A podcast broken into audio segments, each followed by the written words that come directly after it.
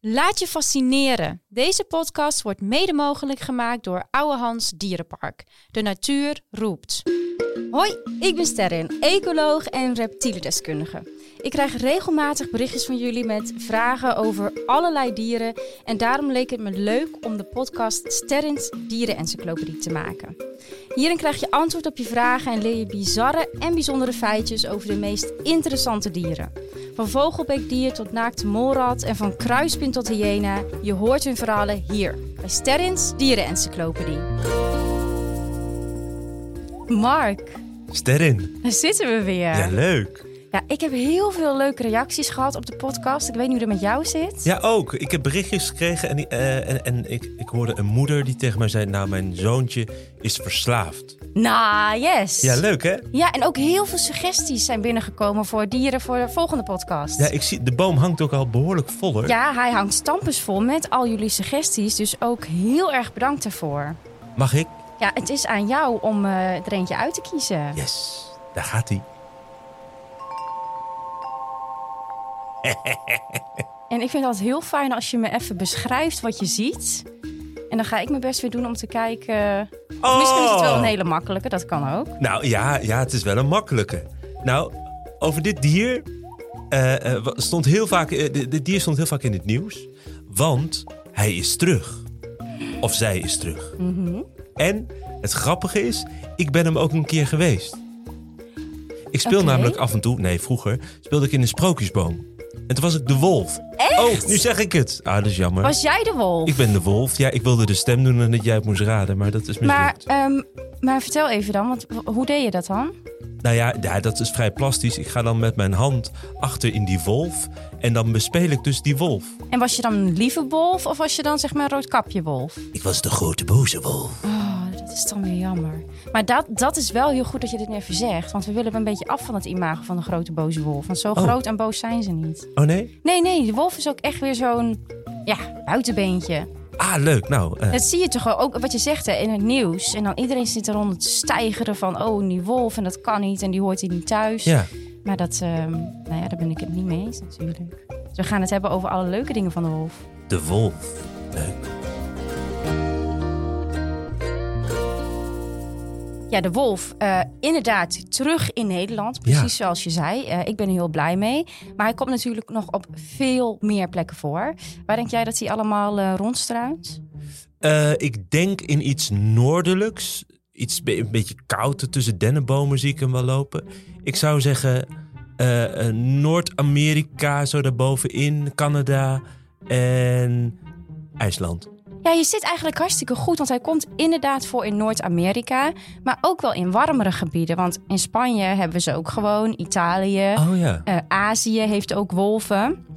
Eh, dus Azië, Noord-Amerika en Europa, daar kan je wolven vinden. Eh, ze zien er een klein beetje anders uit afhankelijk van waar ze voorkomen. Je kan je voorstellen, ja, in Spanje heeft een wolf een iets minder dikke vacht nodig dan in Noorwegen. Ja, ja. Maar eh, inderdaad koud, maar ook warme gebieden, daar, daar komen ze voor. En ehm, ze, zijn vrij groot natuurlijk. Hoeveel kilo denk je dat een wolf kan wegen? Bijvoorbeeld een mannetjeswolf? Oeh, eh, het, het is een soort hond natuurlijk. En mijn hond weegt volgens mij eh 30 kilo. Zo, Is dat een groot? Is dat, is dat is een flinke hond. Ja. Oh. Wat, wat voor ras heb jij? Dalmatiër. Oh, Dalmatie. Ja, dat zijn vrij grote honden. Ja, ja. Ja. ja. Eh, dus ik denk 40 kilo. Klopt. Ja? er zijn echt Oh. ook nog wel uitschieters, maar gemiddeld weegt een mannetje zo'n 40 kilo. Ah. Dus het is groot. Maar als ik bijvoorbeeld kijk naar een van mijn favoriete rassen, de Newfoundlander, ja, die wordt 80 kilo. Dus er zijn ook wel honden die groter zijn dan de wolf. Oh ja, precies. Oh, ik dacht, ja, precies. 40, 40 kilo. Nou, Ja, en ze kunnen dus ook mega hard rennen. Ja? Ja, echt 60 kilometer per uur. Wow. Ja, dat is echt super hard. Ja, en ze lopen ook een soort, eh, eh, tenminste als ik, als ik ze zie op, eh, op films of in eh, natuurfilms, dan zie ik ze een soort, eh, ja, het, het een hele bijzondere tred. Alsof ze, hun lijf blijft eh, op één hoogte en hun, hun poten die lopen dan zo, ja, heel sluipend. Ik vind het een, een wonderlijke... Gracieus. Gracieus. Ja, het is Dat een is het moeilijk woord. woord, maar Ja. heel sierlijk eigenlijk. ja. Ja, ja, En hoe kan jij, denk je, een, eh, een wolf onderscheiden van een normale hond? Want in Nederland worden er heel vaak natuurlijk schapen doodgebeten. En dan zeggen ze altijd meteen, oh, dat was de wolf. Ja. Maar dat is heel vaak niet zo. Hoe kan je hem nou makkelijk een wolf onderscheiden van een, van een normale hond? Zeg maar een Duitse herder. Nou, wat je doet, je trekt een rood kapje aan. En- nee, eh, ehm, ik denk... Wat is het verschil? Eh, hebben ze grotere poten? Hoeft niet, nee. Want als je kijkt bijvoorbeeld naar een Newfoundlander... of eh, Oh ja. die, die hebben ook vrij grote poten. Ja, eigenlijk kan je het beste kijken naar de bouw van het lichaam. Dus wij hebben heel vaak honden een beetje doorgefokt... met ja, apart uiterlijk. Stippen? Mm, Stippen bijvoorbeeld Ja. ook. Maar bijvoorbeeld als je denkt aan een Duitse herder. Als je kijkt naar de rug van een Duitse herder. Die loopt vaak een beetje schuin af, toch? Naar Ja, achteren. Je hebt dan hun heupen heel laag bij de grond. En dan de, de borst is heel hoog. Ja. Nou, dat slaat natuurlijk nergens op. Dat is voor het dier helemaal niet fijn. Dus een wilde wolf, die heeft dat ook niet. Die heeft eigenlijk een kaarsrechte rug. Ah, ja. En dat zie je bij de meeste gefokte honden al niet meer. Ehm, en ook die vacht is een hele dikke, stugge vacht. En die staart... eh, bij de meeste honden zit er een soort krul in de staart, toch? Aan het einde van de staart. Ja, ja. Maar bij de wolf is die in, in, in rust echt kaarsrecht naar beneden. Dus er zit niet Ah. een soort nog toetje aan het einde. Oh, dus daarom is dat ook misschien de, de manier van lopen die ik zo Precies, ja. dat het zo recht is. Ja, het is helemaal een recht Ah. lichaam eigenlijk. En dan nog blijft het lastig hoor. Maar ze gebruiken ook wel vaak DNA bijvoorbeeld. Als er een dier is doodgebeten, dan gaat het DNA gaat naar de Wageningen Universiteit, waar ik, eh, waar ik werk. En eh, dan kunnen ze precies zien of het een hond was of een wolf. Dus dat heb je dan eh, ook nodig. Ah, en, en, en hoeveel zijn er in Nederland nu? Oeh, op dit moment, het laatste wat ik zag, was dat er drie gevestigde paren zijn. Want dat Zes. is, ja, nee, maar er zijn dan ook nog ehm, eh, zwervende wolven die er in en eruit gaan. Want hoe, Oh ja. weet jij hoe een wolvenfamilie in elkaar zit? Eh, het heet een roedel, Ja, dat weet ik. En hoe ziet het eruit? Nou, ik denk, ik zie dat heel gezellig met eh, vader, moeder en dan drie welpjes. Ja, precies. Ja, heel vaak ook in films wordt er gedaan alsof het heel veel wolven van heinde en verre zijn. Maar meestal is het gewoon papa, mama. De, wolf, de wolfjes die zijn geboren. En dan heel soms nog de welpen van het jaar daarvoor. Maar dat is het dan ook wel. Dus die, die jonge welpjes, die moeten op pad gaan. Die moeten een nieuw territorium vinden. En dat kan eventjes duren. Dus die gaan dan struinen. Ja. Dus die hebben we ook regelmatig wel, eh, wel in Nederland. Maar zo ziet een wolvenfamilie er dus uit. Dus niet zoals bij Mowgli in eh, Jungle Book, dat er een heel, hele grote familie is die samenleeft. Precies dat. Ik denk al, waar heb ik dat gezien? Maar dat was inderdaad in de Jungle Book. Ja. Dat is eigenlijk meestal in het wild. Ja, heel soms heb je wat grotere roedels. Maar over het algemeen is het gewoon een gezin eigenlijk. Ah ja. Ja. En welke, welke geluiden maken wolven allemaal? Ja, ja, dat vind ik de mooiste. Ja, ja, dat is ja. het huilen naar de maan. Toch? Eh, volgens mij doen ze dat niet per se naar de maan, maar het is echt een communicatiemiddel voor verdragende communicatie. Want het maakt natuurlijk heel veel kabaal. Maar ze hebben nog veel meer manieren van met elkaar praten. Onder andere natuurlijk door hun plas. Ehm, Plas? Ja. Praten met plas. ja, praten met plas. Interessant, stelling. Ja, ja, zij kunnen dan een plasje doen tegen een boom of tegen een rots. En daarmee geven ze informatie aan de andere wolven in de omgeving over wie ze zijn. Eh, maar je hebt, kan ook te maken hebben met grommen natuurlijk, andere kleine geluidjes en de lichaamshouding. Dus ik, ik vind het altijd zo apart als mensen tegen mij zeggen: ja, dieren praten niet of dieren hebben geen taal. Dan denk ik, wij praten eigenlijk minder, want wij doen heel, heel veel met woorden en blablabla. We zijn eigenlijk heel erg ehm, de verbinding met ons lichaam verloren. Want ons lichaam zegt eigenlijk nog veel meer dan onze woorden kunnen zeggen. Zeker, ja. ja. Toch? Ja. En dat, dat vind ik dan ook zo bijzonder. Ook als je kijkt naar als mensen honden in huis hebben. Dat, ze, dat een hond vaak heel veel dingen zegt met zijn lichaamshouding. Bijvoorbeeld de, de stand van zijn staart, de stand van zijn oren, zijn lippen. eh, hoe die zijn haren, of die haren plat liggen of omhoog staan. Dat zijn zijn woorden. Ja. Daarmee zegt hij, ik voel me fijn of ik vind het niet fijn. En heel vaak luisteren we daar niet eens naar. En dan is het zo, oh kindje is gebeten, hondje moet een spuitje. Ah, ja. En eh, ik zag het helemaal niet aankomen. Nou, dat bestaat niet. Dus eigenlijk moeten we leren luisteren met onze ogen. Luisteren met je ogen, inderdaad. En niet alleen naar de niet-menselijke dieren, dus naar wolven en naar andere dieren, maar ook bij onszelf. Als Ja. jij met iemand praat, in plaats van alleen maar luisteren naar wat hij wel of niet zegt, kan je ook kijken naar de lichaamshouding. Het is wel ingewikkeld voor de luisteraars nu. Ja, Die horen alleen onze stem. Ja, maar ik kan wel de luisteraars uitnodigen om het eens te proberen. Ja. Als je de volgende keer met iemand praat, heeft iemand zijn armen over elkaar of zit hij er zoals jij nu heel ontspannen bij. Ik zie dat je schouders zijn ontspannen. Ik je heb wel hebt je natte handen hoor. Oh, zweethandjes. Ja. nee hoor. Nee, maar probeer het maar eens. Om te kijken of je meer kan horen dan alleen de stem. Ah ja. En nog één dingetje. Eh, blaft een wolf ook? Nee, ze blaffen niet zoals honden. Maar ze hebben wel allerlei grommetjes en korte ja, snauwen. Dat hebben ze wel. Maar het is niet zo dat ze als een chihuahua zo... Dat, dat doen ze nee. Nee, gelukkig niet. Ja, en iets anders waar mensen eigenlijk eh, heel weinig bij stilstaan, is hoe belangrijk de wolf is voor het ecosysteem. Wat denk jij? Wat, wat, waarom is een wolf belangrijk in de natuur? Uh, nou, het eet natuurlijk dieren, Mhm. zoals konijnen en Ja. schapen. Dus ik denk misschien dat ze een, een beetje het overtollige. Eh, eh, soms heb je natuurlijk heel veel fazanten ineens of heel Ja. veel konijnen. Dat ze dat een beetje in stand houden. Ja, en ook de, de zieke en de zwakke dieren en de oudere dieren, die anders natuurlijk zouden sterven van de honger, dat zijn eigenlijk de dieren eh, die de wolf eruit haalt. Dus hij hou- houdt daarmee het ecosysteem ook gezond. Ah. Ehm, en ze zeggen dan wel eens, hè, oh, wolf eet schapen en geiten van de mens. Eigenlijk blijkt ook uit onderzoek dat een wolf die gevestigd is, dat is een moeilijk woord, maar dat betekent gewoon een wolf die zijn plekje heeft gekozen, bijvoorbeeld op de Veluwe of in Drenthe, Die zijn plasje doet. die zijn plasje daar doet en Ja. die leeft daar gewoon, die heeft de voorkeur, die vindt het lekkerder om konijnen en herten en zo te eten, dan dat hij schapen pakt. Dus de wolven die wel schapen pakken, dat zijn vaak wolven die op zoek zijn nog naar een gebied om te wonen. Ah ja, ja. En eh, zelfs dan ehm, krijg je compensatie van de Nederlandse overheid. Als dus uit dat DNA-onderzoek waar we het over, eerder over hadden, als daaruit blijkt dat jouw eh, dier is overleden door een wolf, dan krijg je dat gewoon terug.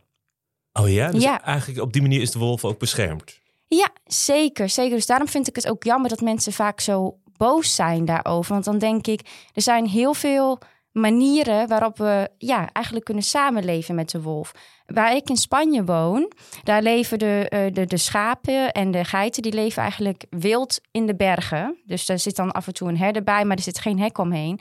Maar zij hebben minimaal tien hele grote mastiffs, dat zijn honden, die de schapen beschermen. Ja. En dat hoort bij jouw baan als herder. Oké, dus wij zijn nu geen herders meer, maar boeren.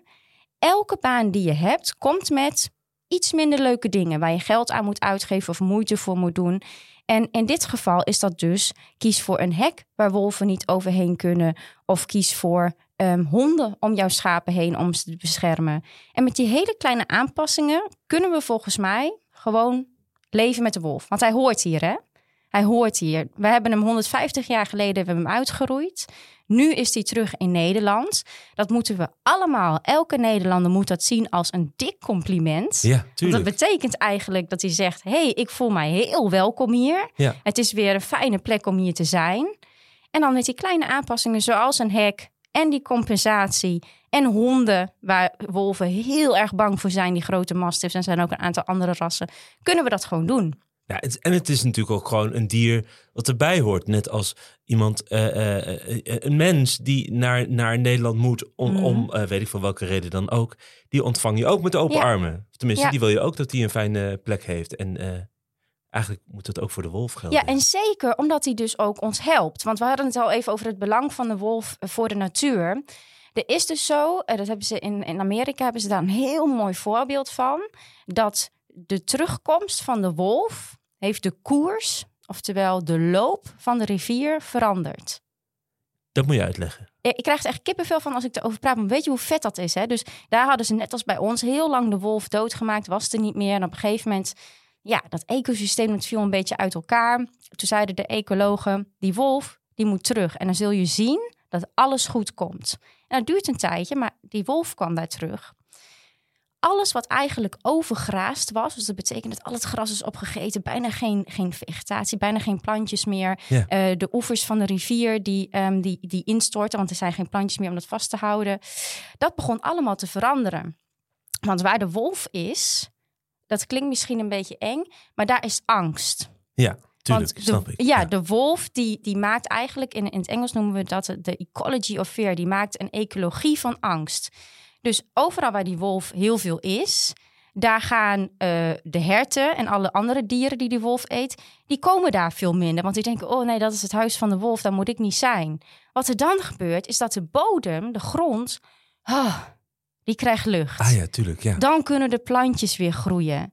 En ook aan de oevers van de rivieren groeien er dan weer wortels die ervoor zorgen dat de, dat de zijkanten van de rivier dat die weer stevig worden. Wat er dan gebeurt is dat de rivier dieper wordt. Dus dat hij minder bochtjes gaat maken, maar dieper wordt. Dan ontstaan de poelen in de rivier. En zo is dus met de komst van de wolf is het hele landschap tot aan de loop van de rivier veranderd. Wauw. Dat is toch vet? Dat is te gek. Dus eigenlijk zou je moeten pleiten voor dat we alle hekken weghalen in, in, in de wereld en gewoon dat dingen het laten gebeuren en dan, dan ontstaat een hele mooie wereld. Ja, maar laten we beginnen met de wolf hier gewoon uh, welkom heten. En hem de ruimte geven die er, die er is. Want er is echt wel wat ruimte voor de wolf. En het mooie is dan, want bijvoorbeeld wij schieten nu pak een beetje 18.000 dieren per jaar alleen op de Veluwe al. Ja. Uh, dat kan omlaag. Maar dat schieten we omdat? Omdat wij vinden dan dat er te veel van zijn. Oh ja. Wij hebben eigenlijk de, de, ja, de, de rol van de wolf overgenomen. Maar hoe fijn is het dat hij er gewoon weer is. En dat wij het aan hem kunnen overlaten zoals het altijd al bedoeld is. Ja. Hoe fijn is het dat de natuur eindelijk weer wat gezonder kan worden. En ja, soms betekent dat dat er een wolf wordt aangereden. Want het landschap ziet er niet meer zo uit zoals het 100 jaar geleden was. Maar het feit dat ze hier zijn laat zien dat ze hier willen zijn. En dat ze hier kunnen zijn. En mogen zijn. Nou, als laatste wil ik nog één dingetje toevoegen. Want ik begon natuurlijk dat ik dus met mijn hand in een wolf zat. ik moet dat even uitleggen. Het was namelijk een pop. Wat vond je ervan? Ben je, ben je het eens met het imago van de grote boze wolf? Nou, ik ben het eens, maar ik ben, ik ben het er ook mee eens dat het dus niet slecht is. Ik bedoel, een boze wolf, uh, dat zorgt dus inderdaad voor een soort angstcultuur in de natuur. Maar het zorgt ook voor een balans, zodat de plantjes weer gaan groeien. dat mhm. we, dus eigenlijk is die wolf van harte welkom. Ja, en ze zijn niet gevaarlijk voor ons, hè?